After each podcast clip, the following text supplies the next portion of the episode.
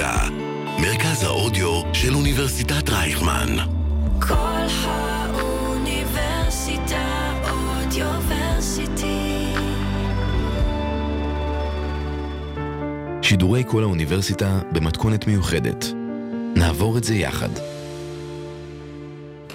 היום בחמוצים נשאל האם אפשר, האם אפשר בכלל לנצח בעזה, האם אפשר להקשיב ליוזמה המצרית, האם אפשר לחקור את עצמנו בזמן המלחמה, האם אפשר בכלל לבקר בזמן המלחמה, האם אנחנו יכולים להמשיך לסבול את מחיר הדמים הבלתי נתפס יום אחרי יום, סוף שבוע אחרי סוף שבוע. אנחנו חמוצים, 25 לדצמבר, שעה שלוש, זמן ההקלטה שלנו. עד שתשמעו את התוכנית אם אתם מזינים בפודקאסט, העולם ודאי ישתנה. מתחילים מיד עכשיו. החמוצים, המערכת הפוליטית על ספת הפסיכולוג, עם הפרופסור בועז בן דוד והפרופסור גלעד הירשברגר. שלום גלעד. שלום בועז ושלום למאזינות ולמאזינים. תשמע, יש לנו תוכנית עמוסה, אבל אנחנו, אמרתי לך שאני מרגיש צורך שנתחיל, כמו בתוכנית הקודמת, נתחיל באישי. כן, אה, שביזות יום א', לגמרי. מועקת יום א', כן. אתה, אני, אני מנסה לחשוב, ושוחחתי עם אנשים, איך זה קורה, מגיע יום ראשון, וכולם במועקה שכאילו, בלתי רגילה, בלתי כאילו לא רגילה. הייתה קודם. כן. אז גם יש נסיבות, כי לא, באמת ה- כל... המציאות הזאת, שבה כל יום, כל יום, אנחנו מקבלים בבוקר את הדיווח על החיילים שנהרגו, כן, אה, ובסוף שבוע האחרון זה היה בכלל אה, קשה מנשוא, ממש. אבל זה גם לא נגמר, זה עוד פה שניים ושם שלושה ושם ארבעה. אין וזה- יום בלי זה. אין אני, יום בלי זה. אני מזכיר, זה- היינו... זה קשה מנשוא, ממש. היינו במצב שבו כל לילה קיבלנו תמונות של ילדים חמודים מחבקים כלבים, חטופים שוחררו, ועברנו לכל יום תמונות של צעירים יפים, כן.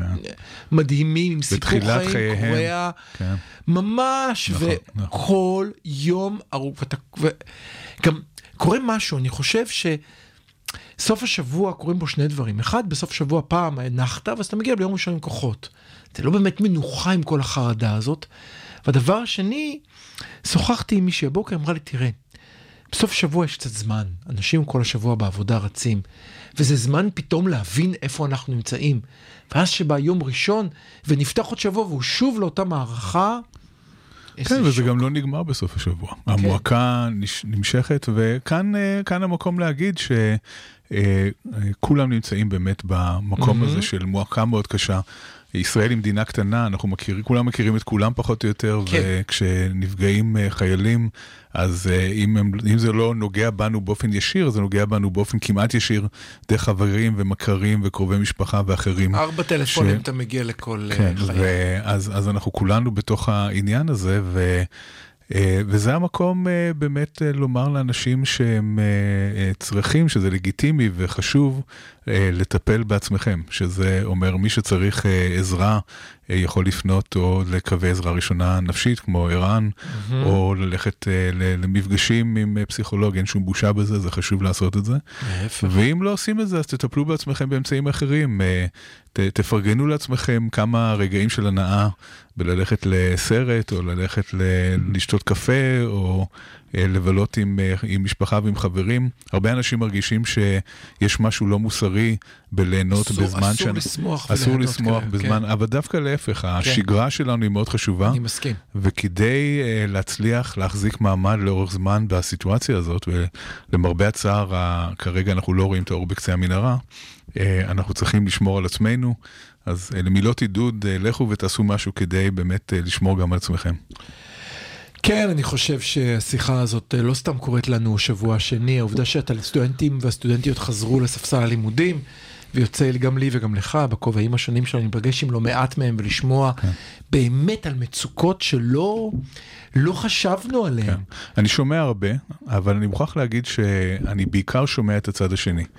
אני שומע שמהמון המון סטודנטים, כמה הלימודים חשובים להם עכשיו. כן. כמה חשוב להם לבוא, ושעה וחצי לשמוע הרצאה על משהו אחר, כן. שלא קשור למצב, אה, כמה חשוב להם לבוא ולהיפגש עם חברים שלהם בקמפוס. אני חושב שבמקרה שלך הנושא, אתה הרי מלמד חברתית, כמה אתה יכול להיות רחוק מהמצב, אבל, אבל המפגש, המפגש החברתי, אני שומע אותו... אני מרגיש שהוא מאוד חשוב. הרבה, כן. כן. אני, אני ממש רואה שהם רוצים לבוא והם רוצים ללמוד, ויש כמיהה מאוד גדולה mm-hmm. להיות בכיתה, ו, וקצת לקבל כמה שעות של נורמליות בתוך הטירוף שאנחנו נמצאים בו. ויחד עם זאת, אני אומר לך שגם, אני חושב ששוב, שנינו מדברים כבר שבועיים על הצורך לפרגן עצמך ולתת, כי כן. זה שיחות חמלה, שאנחנו עושים... חמלה עצמית. כן. צריך הרבה חמלה עצמית. שיחות שאנחנו עושים הרבה סטודנטים, שאנחנו אומרים להם, אוקיי, זה בסדר. כן. חבר שלך בעזה ואת בלח, אז אל תגישי את העבודה השבוע, כן. לא קרה כלום. נכון, נכון. אני המרצה שלך בקורס ואומר לך, חופשי. לכי, לא, אנחנו בסדר. מאוד, אנחנו מאוד uh, נותנים מקום לזה, ואנחנו, כן, uh, uh, כן uh, יש כאן מתווה מילואים שבעצם, הוא לא רק מתווה מילואים, הוא מתווה לכל מי שלומד בתקופה mm-hmm. הזאת, ונותן mm-hmm. המון גמישות שלא הייתה בעבר. אוקיי, אז אחרי שהיינו אה, מתוקים, בואו ורכרוכיים, אנחנו נחזור להיות אה, חמוצים וקשוחים כמו שאנחנו תמיד. אתה רוצה להתחיל בשאלה הגדולה אם אפשר לנצח? כן, תראה, אחד הדברים... אפשר לנצח מלחמות בכלל, גלעד? אני חושב ברצינות. כן, לא, שאלה. מאז מלחמת העולם השנייה. אוקיי, בואו נדבר על זה שנייה. מאז מלחמת העולם השנייה, יש עוד מלחמות שנוצחו? תכף נדבר, השאלה היא איך אתה מגדיר ניצחון, אבל אוקיי. אה, השאלה הזאת עולה עכשיו. כי אחד הדברים שלפחות uh, תפסו את uh, עיניי בעיתוני סוף השבוע ובכל מה שנכתב בסוף השבוע, זה שהמון uh, עיתונאים שונים ממערכות עיתונים שונות.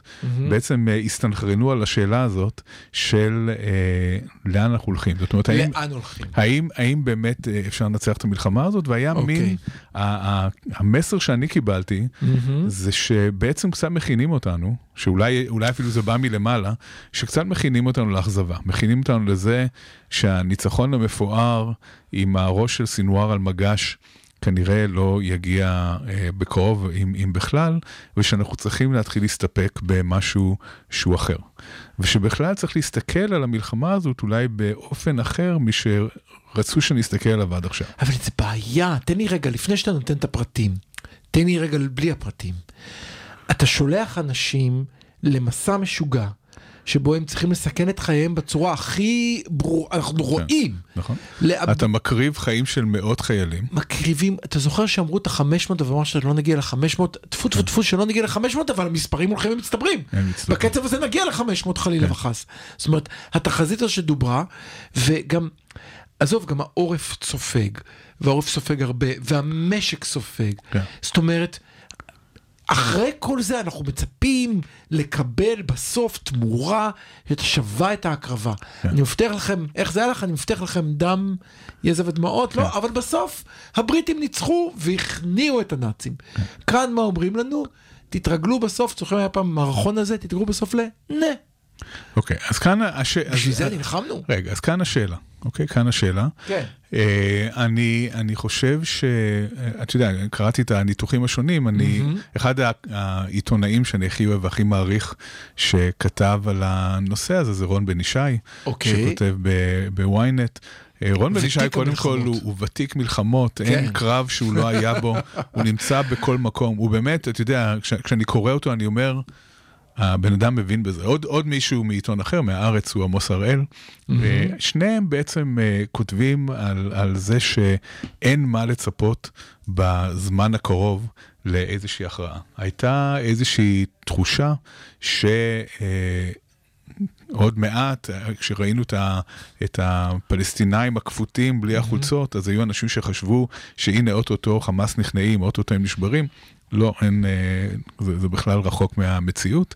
אה, אז, אז כנראה שהמערכה הזאת תהיה ארוכה, היא לא תהיה בעצימות שאנחנו אה, רואים אותה כרגע, אבל עד הרגע שבו אפשר יהיה לומר שהגענו לאיזשהם הישגים, המרחק הוא מאוד גדול כנראה, ומדובר בדשדוש שהוא חודשים אם לא שנים, וזה דבר, כאן החוסן של העורף מאוד חשוב, כי היכולת של ישראל באמת להתמיד במערכה כל כך ארוכה, עם נפגעים, עם uh, מחיר, uh, כשלא רואים איזשהו הישג uh, ברור, uh, זה, זה דבר קשה. אני, אני רוצה רגע לעצור אותך שנייה אחת.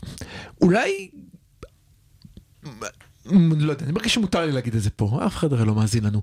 אולי העורף לא צריך להיות חסון כל כך, והעורף צריך להגיד ל, למי שמנהל, אני, יש גבול, יש תאריך, יש סוף, יש מחיר שאני לא מוכן לשלם. אולי העורף, מותר לו בכלל לעשות כזה דיון, כי כרגע העורף תפקידו הוא להיות חסון ולא להתערב. אולי הגיע השלב אני חושב אחרי- שרוב הציבור הישראלי, שמותר לשאול שאלות, לא להגיד שזה לא מלחמה צודקת, היא צודקת, אבל להתחיל לדבר, להתחיל לשאול. השאלה היא איפה הגבול, היא שאלה מעניינת שעולה הרבה בטוויטר, כן? כן. בוויכוחים בין ישראלים לבין אה, אחרים, שאומרים 20 אלף נהרגו בעזה. כן? איפה, איפה הגבול? זאת אומרת, באיזה נקודה אתם כן, באים אה, ואומרים, די. הגבול אי של הישראלים הוא לא כמה נהרגים בעזה, אלא כמה חיילים נהרגים, אני מודה, גם אני חוטא בכך. זה אני לא- מסתכל זה על לא- עצמי קודם כל. אני חושב כן, שהגבול הוא לא זה ולא זה, אני כן. חושב שזו טעות.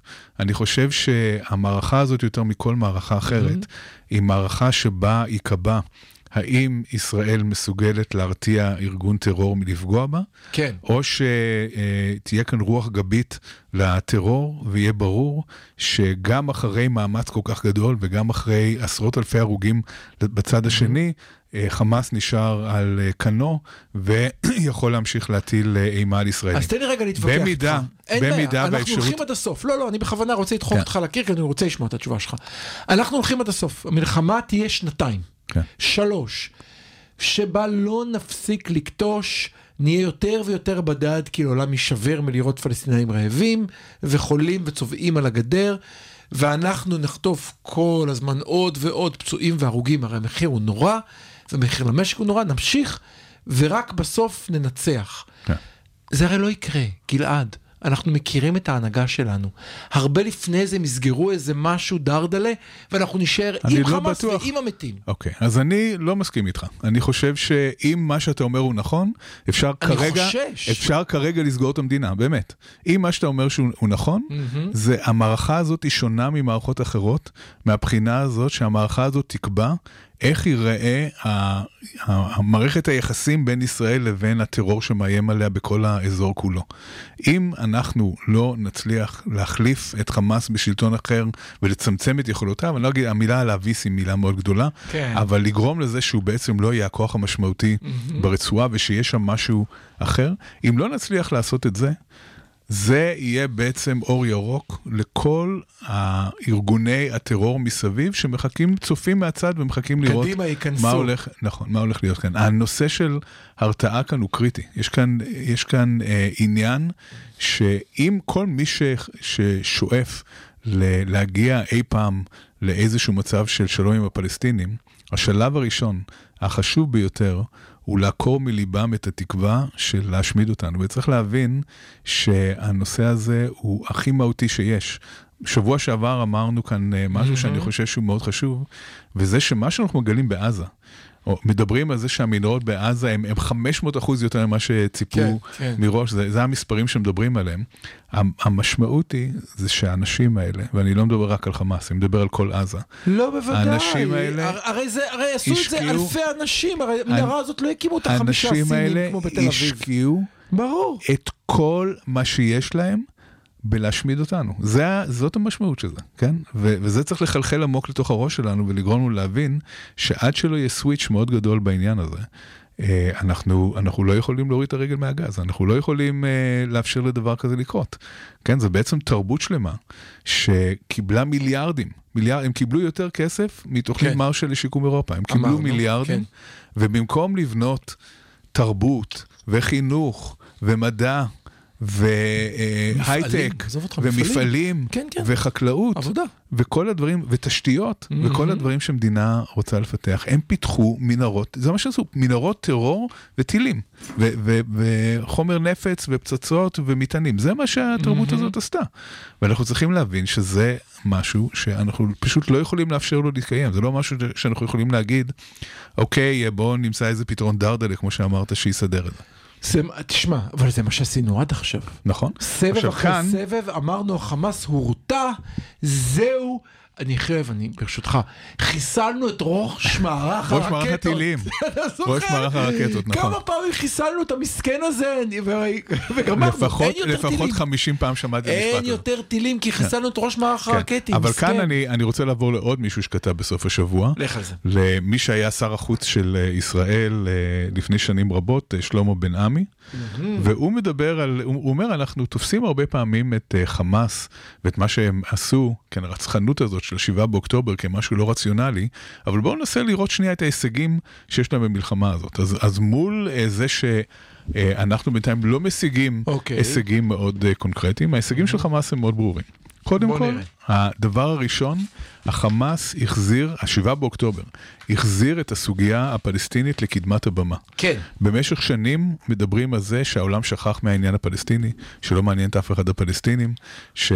יותר זה- מזה, למעשה הסכמי אברהם, אף על פי שיהיו להם הישגים עקפו את טובים, הפלסטינים. המטרה שלהם הייתה להגיד, אין יותר בעיה פלסטינית, תרדו נכון. מזה, הכל יסגור בביזנס. נכון, אז, אז הם שמו את, ה, את העניין הפלסטיני בקדמת הבמה. רשמתי. שתיים. דבר שני, הם בלמו את הנורמליזציה עם סעודיה. היינו נכון, רגע לפני נורמליזציה עם סעודיה, הם בלמו את הדבר הזה. הם גררו את ישראל למערכה שאנחנו עצמנו קוראים לה מערכה קיומית. זאת אומרת, ממצב שחשבנו שהכל סבבה ואנחנו יציבים ובטוחים, אנחנו פתאום, תפיסת האיום הקיומי שלנו היא אחרת לגמרי. אנחנו פתאום מרגישים ממש על קצה המצוק. כן, אבל אתה, אתה, ת, לפני שתגיע לחמש, בוא נישאר במספר שלוש שלך. תסתכל על זה ברמה הכלכלית. זאת אומרת, הפכו את ישראל מהמקום ששווה להשקיע בו בסטארט-אפ, ושווה לפתוח בו סטארט-אפ. לגמרי, זה, זה עוד וש- סעיף, זה עוד סעיף נוסף. אה, זה סעיף 4 שלך, אבל הפכו סעיף. אותנו למדינה שאתה אומר לעצמך, אני יודע. כן, לא, ברור, רמת סיכון גבוהה.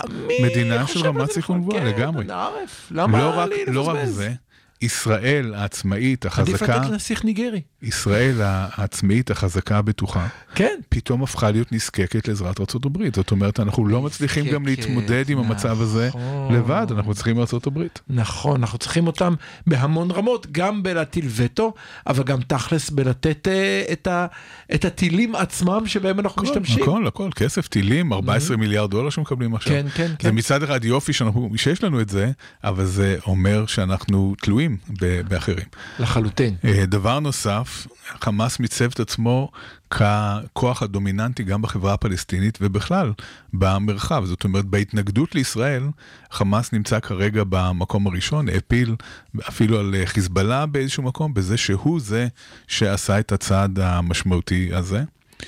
דבר נוסף, החמאס הצליח לרוקן לא רק את יישובי העוטף ולהרוס את חלקם, אלא בעקיפין גם פינה את יישובי הצפון. המהלך של חמאס גרם לזה שבסופו של דבר יישובי הצפון גם התרוקנו. 200 אלף איש שטחי ישראל ננטשו, כן. יהודי מגרש יהודי.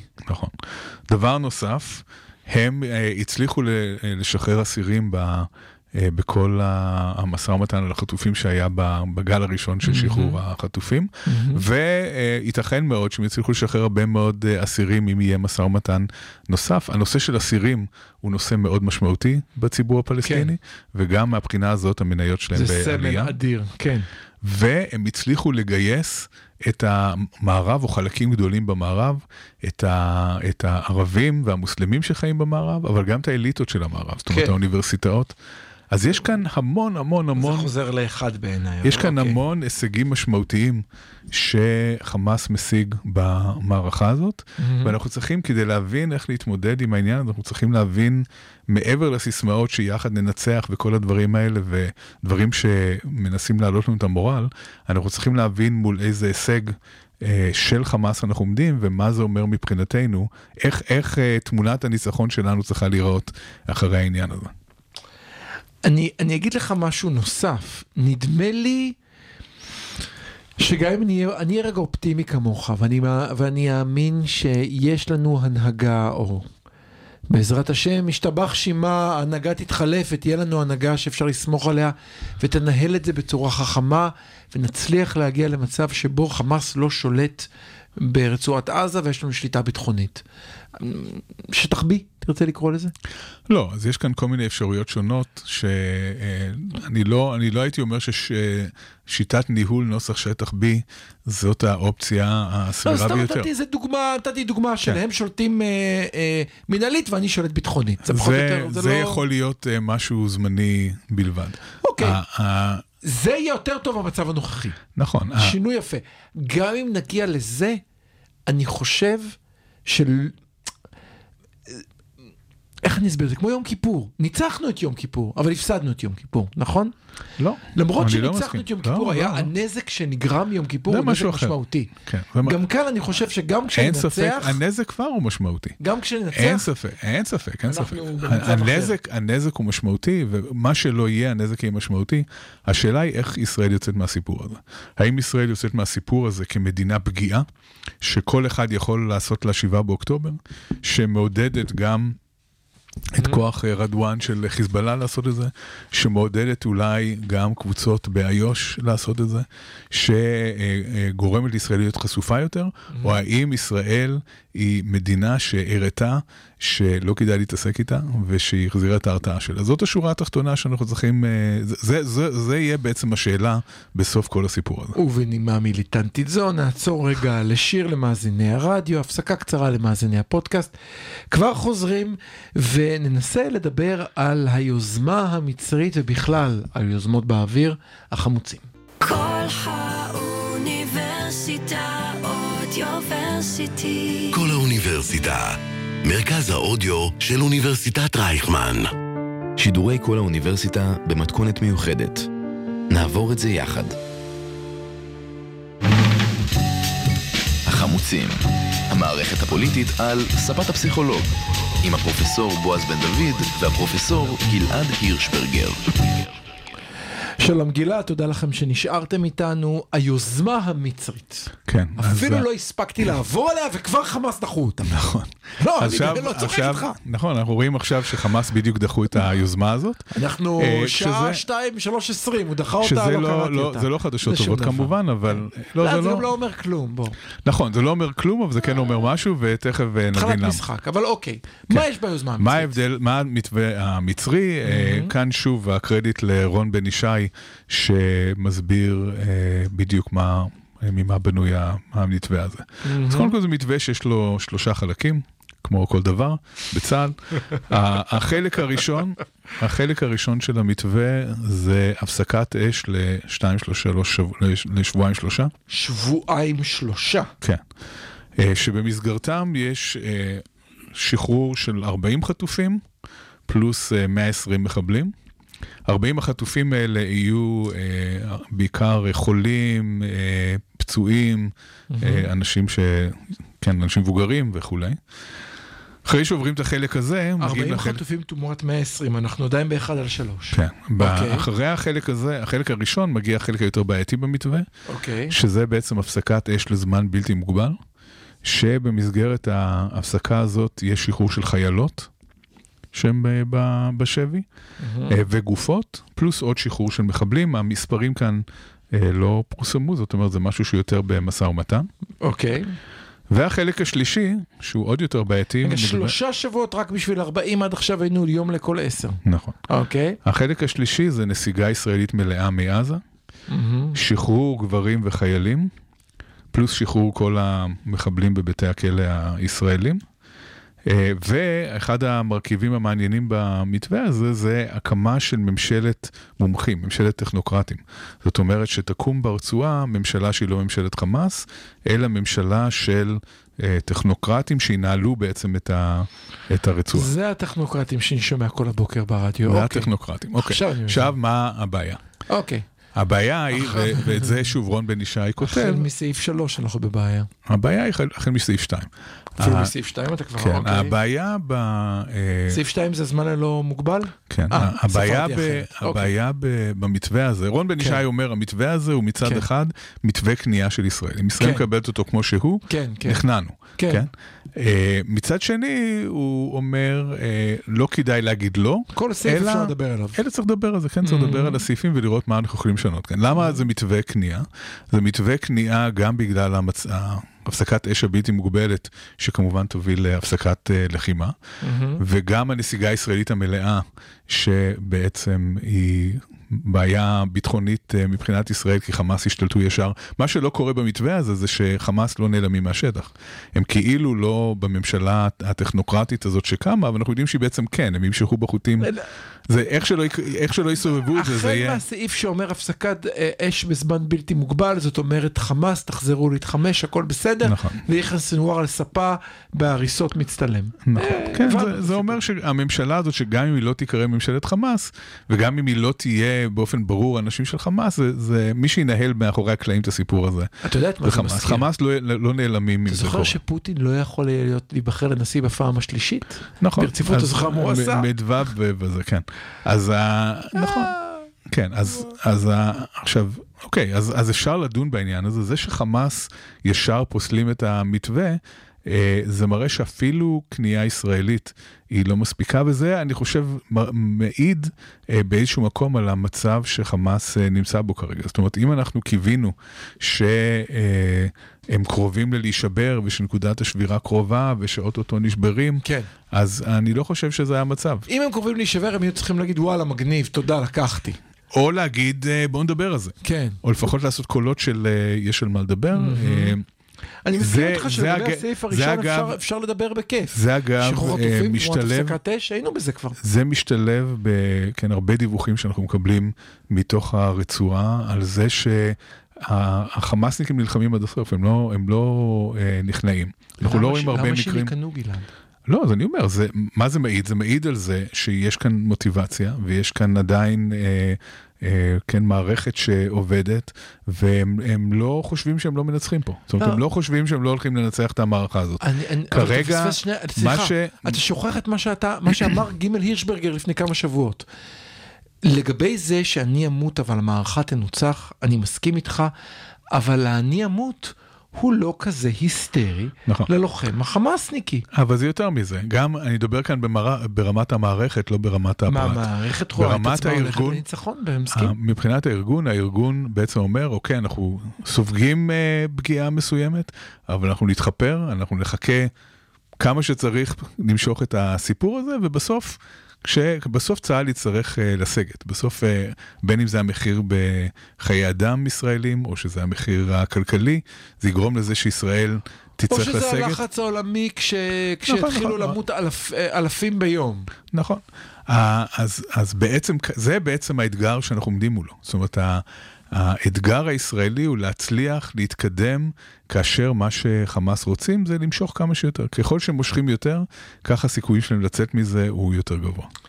אבל אתה יודע, אתה, אתה ניסחת את זה בצורה מאוד מעניינת. אתה אמרת עכשיו, לראשונה התוכנית, שהאתגר למשוך את, שה, שלמשוך את המלחמה הוא אינטרס חמאסי. אבל בחלק הראשון של התוכנית אמרת שלמשוך את המלחמה זה אינטרס ישראלי, כי אנחנו צריכים לא. להגיע לסוף החמאס. אני, ת, תרבע לי את המעגל. לא, האינטרס למשוך הוא לא חמאסי, החמאס מבין שמה שהם צריכים לעשות זה לחכות, להתחפר, להחזיק עוד קצת. להחזיק, כי מתישהו ישראל אה, תישבר. כן, האינטרס הישראלי הוא לא למשוך את המערכה לכמה שיותר זמן, הוא לסיים אותה כמה שיותר מהר, אבל אי אפשר. אי אפשר לסיים את המערכה הזאת. אתה יודע. עוד משהו מעניין, אפרופו האי אפשר. הרי תמיד אמרו לנו, למה אנחנו לא יכולים לנצח מלחמות? בגללכם. אתם כל הנפש יפה, שמאלנים, בג"ץ, שמג"ץ, מרץ. אתם מונעים מאיתנו, תנו לנו פעם אחת לזרוק פצצות, לעשות מה שבא לנו, בממשלת ימין על מלא, בלי בג"ץ, בלי מרץ, ואנחנו ננצח את החמאס בשבוע. אני לא יודע אם מישהו אמר את זה, אבל... לתת לך ציטוטים? אף אחד לא אמר בשבוע, אבל זה נכון שהייתה מין תחושה שבג"ץ קושר את הידיים של צה"ל. רק תיתנו לנו, והנה צה"ל עושה באמת, באמת, לפחות בהתחלה, עושה מה שבא לו, כמו שצריך, זה גם לא נכון מה שאתה אומר. בתגובה, אין מה שבא. ואין... לא נכון. כל uh, פצצה יש עליה חתימה של משפטן. זאת אומרת, ה, uh, ישראל uh, לא עושה מה שבא לה, היא כן uh, מקפידה מאוד לשמור על המשפט הבינלאומי.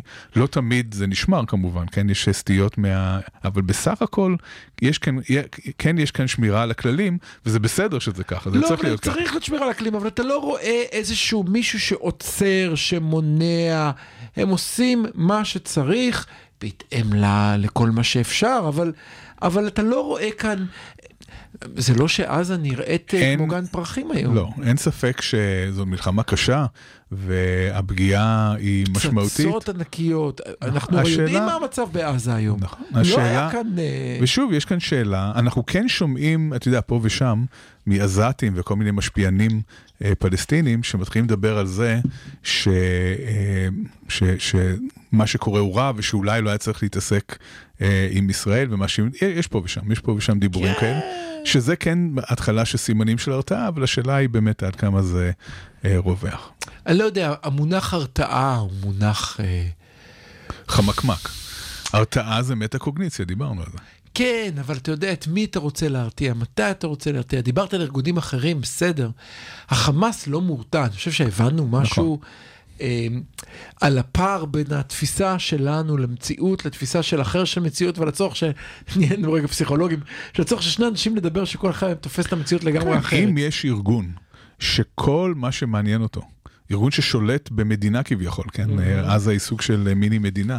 אם יש ארגון ששולט במיני מדינה, שמה שמעניין אותו זה לא חינוך ולא רווחה ולא בריאות ולא כלכלה ולא שום דבר, אלא רק חיסול של המדינה ליד, אז קשה להרתיע ארגון כזה. כן? זה, זה ארגון שקשה להרתיע אותו בהגדרה. בוודאי, ועכשיו השאלה איך אתה מתקדם, אבל אני רוצה רגע, אה, אתה רוצה להמשיך בנושא או שאני יכול למשוך אותך הלאה? תמשוך אותי יד. אז בוא נמשוך אותך הלאה.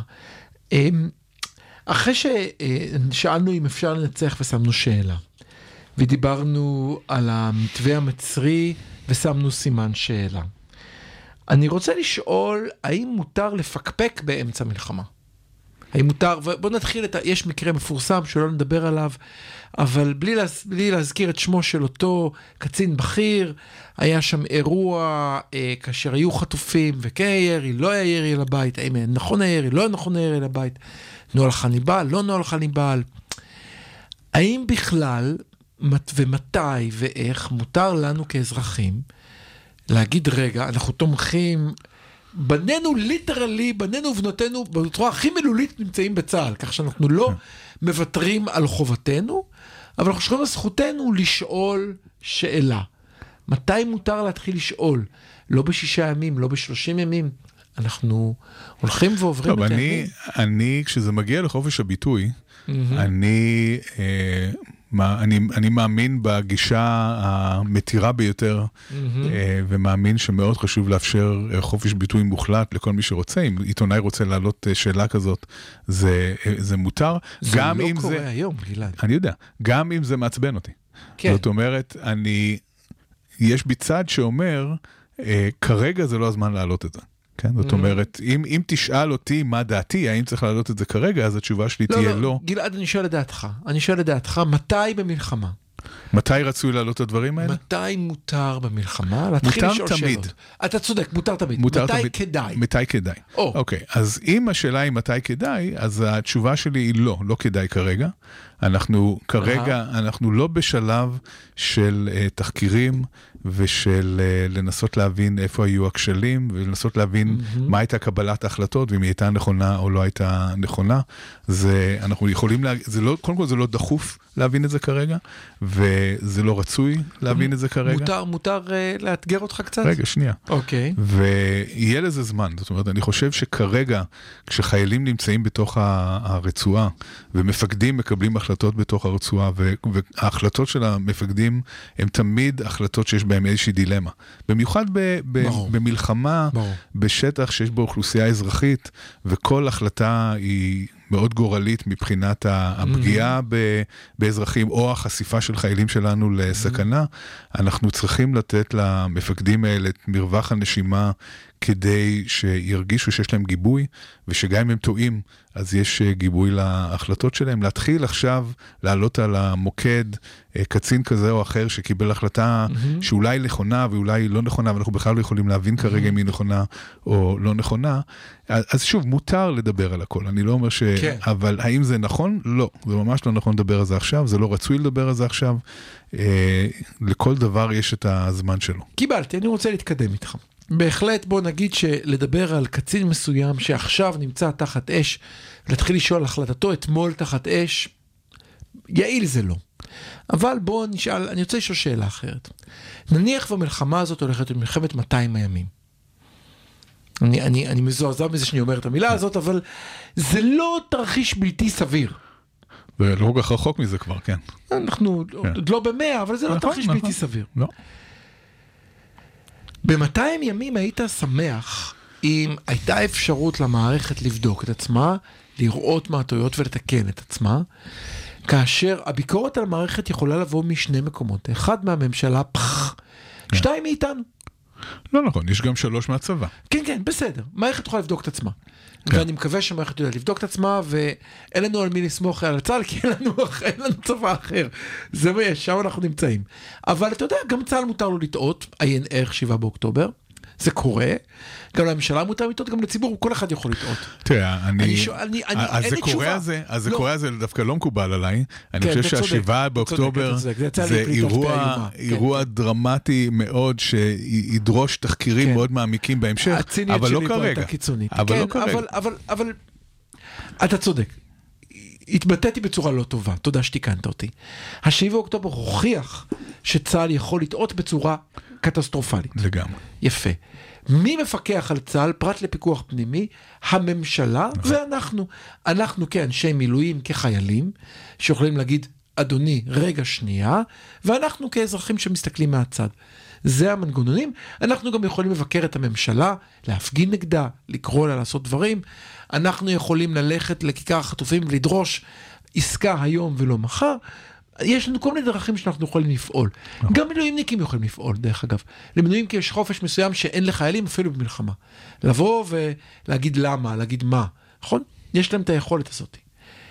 אני שואל, ואני אני, אני לא אומר את זה כי יש לי תשובה, אני אומר את זה כי זו התלבטות שיש לי עם עצמי. אם אני יודע שהמלחמה נגמרת בעוד שבוע, הייתי אומר, תחשקו שיניים, תעשו כל מה שאפשר, נשלם את המחיר, ובעוד שבוע יחיא סינואר ראשו יוצג באמצע כיכר החטופים על מוט ברזל ענק. אבל מאחר וזה לא יקרה כנראה בעוד עשרה ימים, ומאחר ויש הסתברות לא בלתי סבירה שנגיע ל-200 או ל-300, לא יודע, מתי מותר להתחיל לשאול שאלות? אני שוב. מסביר את עצמי, לא כן. לגופו של אדם. שוב, אני, אני חושב שלשאול שאלות לא תשאל... מותר, סליחה, מתי כדאי? אתה צודק, לא מותר כדאי. אתה שוב תראה, מתקן אותי. בעיניי, אה, אתה יודע, כאן, כאן זה כבר שיפוט ערכי שלי, זה לא איזה אה, משהו אה, חד משמעי. לזה פניתי. יש, יש אה, מלחמות שבהן המחאה האזרחית הייתה מאוד חשובה והובילה לתוצאות שהן, כמו למשל אה, הנסיגה מלבנון ב-2000, אה, הרבה בזכות ארבע אמהות וה, והמחאה האזרחית שהייתה סביבה. אני באופן אישי... ושתילה, זאת אומרת, יש נכון, לנו... לבנון, לבנון. לבנון הובילה. למחאות שעשו שינוי נכון. משמעותי. אני חושב, שוב, שאנחנו נמצאים במצב אחר לגמרי. אוקיי. אנחנו, מלחמת לבנון הראשונה הייתה מלחמה שנויה במחלוקת. התחילה ממבצע שלום הגליל עד 40 קילומטר, לא קיימו את ההבטחה של 40 קילומטר, הגענו עד אה, ביירות, החלטנו שאנחנו ממליכים אה, מלכים, אה, בשיר ג'ומייל, עשינו הרבה בלאגן במלחמה שיחקנו הזאת. משחקים, כן. והייתה תחושה מאוד חזקה בציבור שזו מלחמת יש ברירה, שלא היינו צריכים אה, לעשות את אה, כל זה. אנחנו בסיפור אחר, אנחנו לא כן. באירוע הזה, אנחנו בסיפור אה, אחר, אנחנו במלחמה שהיא מלחמה קיומית. מהמם. אה, יש אנשים שלא מבינים שנים שאנחנו שלא היה במלחמה קיומית. קונצנזוס כזה גדול בתוך מדינת ישראל לגבי נכון. מלחמה. באמת, ואני- מתי אתה חושב שהיה כזה קונצנזוס? ואני חושב שהנהי והבכי של, אה, אה, של אה, סליחה, שמאלנים, הוא, הוא לא במקום והימנים, כרגע. יש שם המון ביקורת של ימין מאוד בוטה, סליחה. נכון, נכון. אתה, לא, אבל, אני אבל, לא. על ה, אבל לא על המלחמה. על ה- בוודאי על איך שהמלחמה על מתנהלת, איך, על איך כן. שצריך לעשות. משני הצדדים אני מדבר על איך המלחמה. אתה צודק. אני, אני באותה נשימה רוצה להגיד שה, שיאיר נתניהו למשל, שהוא אחד המסיתים הגדולים, הוא עושה עכשיו מעשה שלא יעשה הסתה נגד הרמטכ"ל בזמן אה, מלחמה. זה דבר איום ונורא, שאין, שאסור לתת לו לגיטימציה. אפילו אני לא סופר אותו כרגע, אני אפילו לרגע לא סופר את, ה, את הקונספירציות נגד הרמטכ"ל שהם פשוט. כן, אני ממש. מדבר איתך על ביקורת, חלחלה. בוא נדבר על ביקורת שאפשר היה להתייחס אליה כלגיטימית, של אנחנו צריכים להכות יותר חזק, שאנחנו צריכים לא להתחשב בחטופים, זאת ביקורת שהיא דיון. כן. טוב, קודם כל הדיון. הדיון סביב החטופים הוא דיון שהוא הוא כמעט בלתי נמנע, והוא לגיטימי. אבל הוא כי דיון ציבור, מבינים- אבל הוא דיון ציבורי נכון, פוליטי. נכון, נכון, אבל הוא בלתי נמנע. לשם אני מכוון, אני הוא, לשם הוא מכוון. בלתי נמנע. הדיון על חטופים, לא על השאלה, על, על, אתה מבין אני, אני לוקח לא. אותך? לא הבנת אותי. אם, הדי, אם השאלה שלך היא מה אה, בעצם, מה, מה צריכות להיות הקדימויות במלחמה, החטופים או ההכרעה במערכה, השאלה הזאת היא שאלה לגיטימית, מותר לדבר על השאלה הזאת. ובשאלה הזאת אנחנו גם רואים הבדלים בין אה, ימין לשמאל. אה, לא כל השמאל יש לציין, אבל שמאל אה, יותר, אה, כן, יותר שמאל, שרואה את העניין של השבת החטופים כחזות אוקיי. הכל, כדבר היחידי שבעצם חשוב. אוקיי. והוא אפילו מגדיר את מטרות המלחמה כהשבת החטופים, לעומת אה, ימין שחלקו לא סופר את החטופים ואומר צריך רק להכריע במערכה. אני חושב שרוב הציבור קרוע בין שתי המטרות האלה, כי ושתי המטרות, וככל שאנחנו מתקדמים, אנחנו מבינים ששתי המטרות האלה לא בדיוק הולכות ביחד, הן אפילו סותרות קצת אחת את השנייה. אה, ו- וכאן הדילמה הגדולה של הציבור הישראלי. אז האם צריך לדבר על זה? כן, על זה צריך לדבר, אין ברירה, כי זה באמת, יש כאן שתי מטרות שהן אה, שתיהן חשובות, שהמשמעות של אה, להקריב אחת מהן היא בלתי נתפסת ובלתי נסבלת, ואנחנו לא יכולים להימנע מהדיון הזה, זה דיון שאנחנו צריכים אה, להיכנס אליו. אבל אתה אומר, אלה מבחינתך, שוב, אמרת מותר לדבר על הכל, אבל אתה רואה אותם כגבולות השיח, ואני רוצה לשאול... אין גבולות שיח, אני אמרתי את זה בהתחלה. אתה, אני אתה, אתה, אמר, בעד... אתה אמרת, מותר לדבר על הכל, אתה שאלת מה לדעתך... מה, על מה כדאי, מה כדאי? על מה, לא על מה כדאי לדבר, על מה כדאי להקים, אה, קו- להקים מחאה. אני חושב שאם אה, אה, תקום אה, מחאה נגד המלחמה עצמה בגלל שהיא מתמשכת, זה יהיה טעות. זה יהיה, אה, אנחנו, לא- ברור שהמלחמה הזאת תהיה ממושכת, ואין לנו כל כך ברירה אלא לסיים אותה, ואני מאוד מקווה שהחברה הישראלית תגלה את החוסן להמשיך ו- ולסיים את מה שהתחלנו. אה, אחרת באמת הקורבן המאוד כבד שאנחנו משלמים יהיה לשווא. אנחנו נעצור כאן, ובחלק האחרון נלך קצת לכיוון אחר. כבר חוזרים.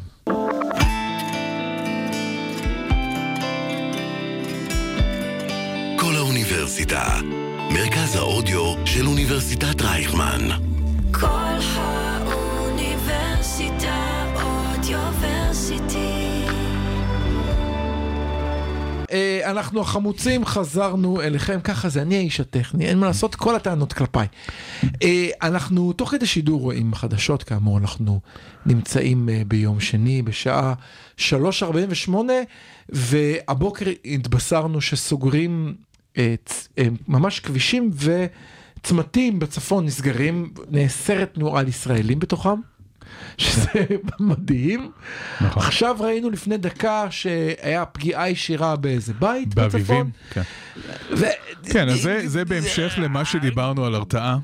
כן, אין ספק שהמציאות בצפון היא שחיקה מטורפת בהרתעה הישראלית. עצם זה שמדינה מאפשרת שדבר כזה יקרה הוא אה, נורא, אבל, אה, אבל אין תשובות כל כך טובות ל, ל, למה צריך לעשות עם זה. ועכשיו אני חוזר למה שאמרתי קודם. אני רוצה לחזור רגע. אה, יש למדינה הזאת, יש לה, יש לה צבא מפקד, רמטכ"ל. הרמטכ"ל אמר, פחות או יותר, נגמרת המלחמה, אני מבין מה, אני אנצח את המלחמה, ואז אני לוקח אחריות על השביעי באוקטובר. הוא אמר את זה בצורה הכי ברורה. כנ"ל ראש אמ"ן. אה, יש למדינה גם ראש ממשלה, שמתווה את המדיניות. כן. מתווה את המדיניות. עם כל מה שאנחנו רואים מסביב. לא לקח אחריות. ועם השאלה, עם השאלה של מחאה ומה מותר למחות, או אמרת הכל מותר, מה כדאי לעשות. אני מקבל את השינוי בניסוח. האם זה הזמן שכדאי להגיד לראש הממשלה, הרי לא היה נעים עד עכשיו להפגין נגד ראש הממשלה, זה קצת זו נעים. לא שאלה שלא נעים, צריך, אה, צריך כאן להבין את, ה, את, המציאות. לך על זה. קודם כל, צריך להגיד כמה דברים מאוד ברורים. ביבי נכשל בדבר שהוא אמור להיות הכי טוב בו, וזה מלחמה נגד uh, טרור. נכון? הוא כתב את הספר, כן. הוא, ה, הוא המומחה, הוא, הוא אה, אה, אה, כן מר טרור, והוא אה, נכשל באופן נחרץ בעניין הזה. ישראל מעולם לא הייתה בטוחה פחות.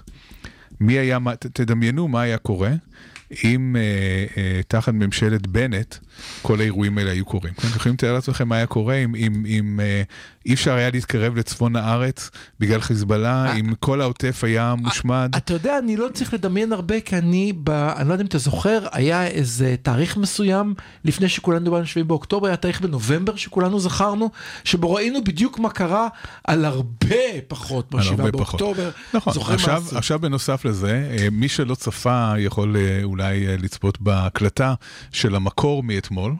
אה, במקור אתמול דובר על הנושא האיראני.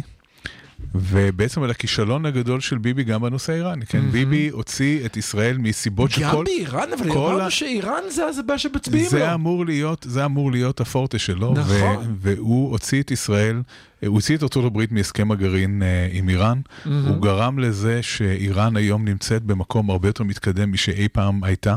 אה, הרבה מאוד מומחים דיברו בתוכנית הזאת אתמול והסבירו איך כל ההיערכות של צה"ל הייתה בעצם על פי ההסכם של ארצות הברית אה, עם איראן, שאפשר הסטה של משאבים לצרכים אחרים ולא לעניין האיראני. אוקיי. וברגע שישראל יצאה, והיא גם עשתה את זה, כן. אה, דיבר אייזנקוט, כן, שהיה רמטכ"ל, שאמר, זה בעצם, קיבלתי את זה כהפתעה מוחלטת, את הדבר הזה.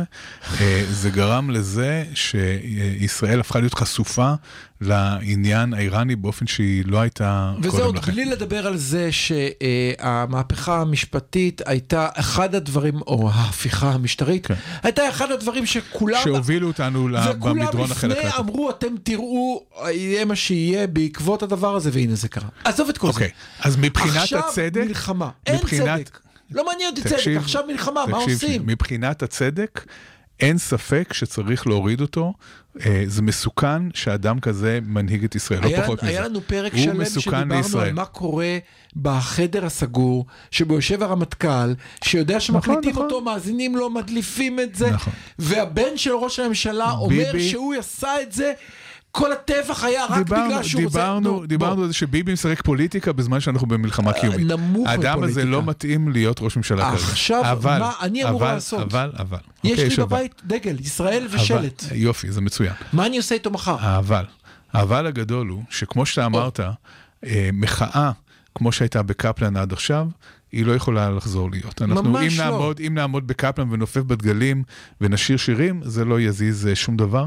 כדי שבאמת יקרה כאן משהו משמעותי, צריך לעבור לשלב הבא, שזה בעצם איזשהו מרי אזרחי יותר משמעותי של חסימת כבישים, של עלייה לכנסת. היינו, לא, לא, לא, אבל- לא, לא, אבל, אבל גלעד, היינו בזה. לא היינו בזה, חסמנו לא מספיק, איילון, לא מספיק. עלינו לא, ל- לא. לכנסת. אם רוצים להחליף ממשלה, אתה צריך לא 200 אלף אנשים ולא 60 אלף אנשים, כמו שהיו בהרבה בהפגנות, אתה צריך חצי מיליון עד מיליון אנשים שיעשו את זה. אין, אין אה, דרך אחרת לגרום לזה שבאמת יהיה שינוי בלי שיהיה מסות מאוד גדולות, שלא נראו עד היום, שיהיו מוכנות באמת לעלות על הבריקדות ולשנות איך כאן את מה מגיעים שקורה. לכיכר תחריר, גלעד? איך- אבל, אבל משהו צריך אבל, אבל יש כאן. אבל מאוד גדול. כן. אי אפשר לעשות את זה בפועל. שכולם בצבא.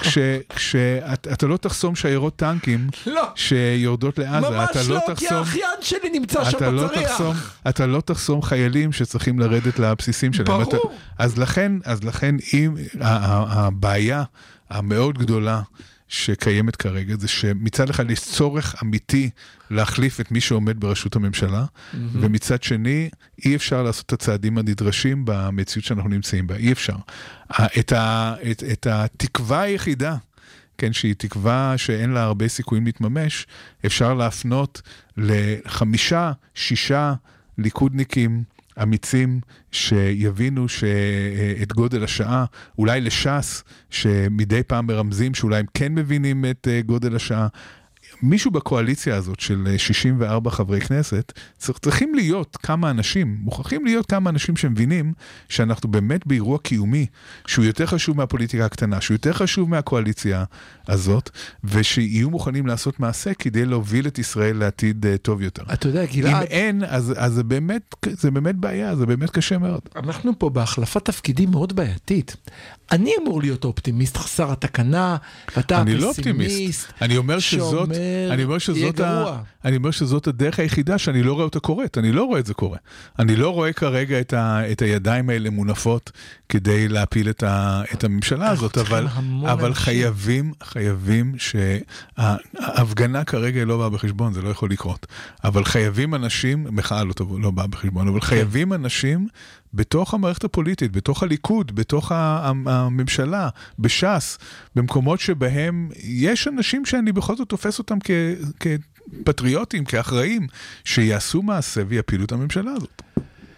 גלעד, אתה, אני, אני לא, לא יודע איך לענות לך למה אני שאמרת לא, עכשיו. אני לא אומר את זה באופטימיות, אני אומר את זה בתור המוצא היחיד שאני לא רואה אותו קורה.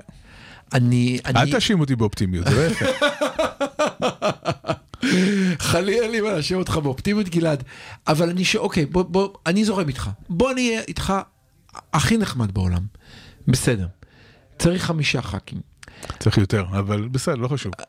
כמה לא, שצריך. לא צריך חמישה ח"כים, צריך מספר קטן אפילו זה יכול להתחיל להניע כדור שלג. אני מסכים איתך אפילו ש... אני מסכים איתך ששניים שלושה יכולים להניע כדור שלג ואז כולם ירוצו.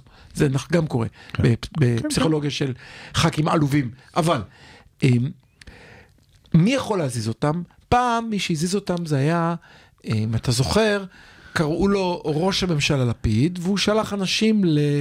לשקוט כל מיני אה, נחשקות. אה, חניונים וכן. חניונים ולשכות נחשקות. כן. אין לו לשכות נחשקות לחלק, אין לו חניונים להחביא בהם, אז לכן, את, את כל אה, או שהוא יהבי... נכשל, או שהוא נכשל במשימתו. לכן את כל יהבי אני שם על uh, uh, על הרגשות הפטריוטיים של האנשים האלה, כי אין מה להציע להם. מה ש... הדבר היחידי שאפשר להציע להם זה להציל את מדינת ישראל. כרגע מה שנדרש זה אנשים עם אומץ, שיהיו מוכנים להציל את המדינה הזאת, גם אם הם לא ירוויחו מזה איזשהו רווח פוליטי כאשר קטן וחסר כאשר חשיבות. הפגינו מול חבר כנסת בלהבים כמדומני, וכתבו 1400, אם אתה זוכר, עצרו אותה, את, ה, את אותה אחת שכתבה את זה והיא עוד ישנה בלילה במעצר או משהו מטורף כזה, היא כתבה 1400. אז אולי מה שצריך לעשות זה ללכת לאותם הח"כים, לסמן אותם, לעמוד להם מול הבית ולהגיד להם 1200 או 1400 כרצונך, זה מה שקרה בשביעי באוקטובר, זה עליכם, קום תעשה מעשה. שוב, אה, אני שואל. אני, אני, אה, אתה אמרת שאני אופטימי, אבל אין לי הרבה אופטימיות לגבי זה, כי במשך שנה ניסינו ללחוץ על חברי כנסת בודדים שחשבנו שיש סיכוי שהם אה, יישברו, שאמרנו הם, הם יותר רציונליים, הם לא משיחיסטים אה, מטורפים, הם כן, גלנטים אה, אה, למשל, כן? היית מצפה שמישהו כמו גלנט יבין, זה לא יכול להמשיך הדבר הזה. מה שעוד עוד דבר שצריך לדבר עליו, שצריך אה, אולי להגיע לקיצו, זה ממשלת האחדות הזמנית הזאת שגנץ אה, אה, יש לנו דקה ואיזנקוט וחצי, אבל נמצאים. בוא נדבר על זה. מה נמצאים הם עושים בתוך- שם? אני לא יודע. לא, הם, אה, כן היה להם תפקיד חשוב. הם, אני חושב אומר. שבקבינט המלחמה, לפחות אני ישנתי יותר טוב בלילה, שידעתי ששתי הדמויות האלה אז למה אתה נמצאות רוצה שהם ילכו בקבינט המלחמה. כי אני חושב שאנחנו מגיעים כרגע לנקודה שבה כנראה המלחמה בעצימות גבוהה תסתיים אה, בקרוב, מהמם. ו- וברגע שהם אה, בפנים, הם אה, משרתים את אה, נתניהו, כי הוא כרגע משחק פוליטיקה לגמרי, אותו לא מעניין שום דבר, חוץ ממהלכים שיכולים לתרום להישרדות שלו. אז אתה אומר ככה, אני רוצה להבין, אתה אומר בשביל לנצח, פשוט לדכא את המאזינות והמאזינים שלנו, בשביל לנצח צריך מיליון אנשים ברחוב, אי אפשר מיליון אנשים ברחוב בזמן שיש לנו 300 אלף איש במילואים, נכון, זה קצת בעיה. בעיה.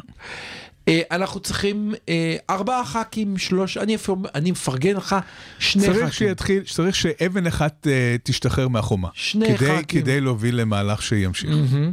צריך שני ח"כים בשביל שזה יקרה, אני מסכים איתך. ובשביל שהשני ח"כים האלה יזוזו, אני צריך ללכת ולהציק להם בבית, אבל גם זה אסור. תקווה אתה רוצה לתת לא, לנו? אין לי, אין לי הרבה תקווה. אני חושב שהדבר העיקרי שאנחנו צריכים לעשות זה לפתח חוסן, אה, לחשוק אה, שיניים, להבין שזה הולך להיות ארוך, ובסוף, אה, בסוף, בסוף, יכול להיות שיהיה בסדר. אז אנחנו היינו חמוצים בטון מריר חמוץ לקראת הסוף, אומרים לכם בסוף יהיה בסדר, להתראות.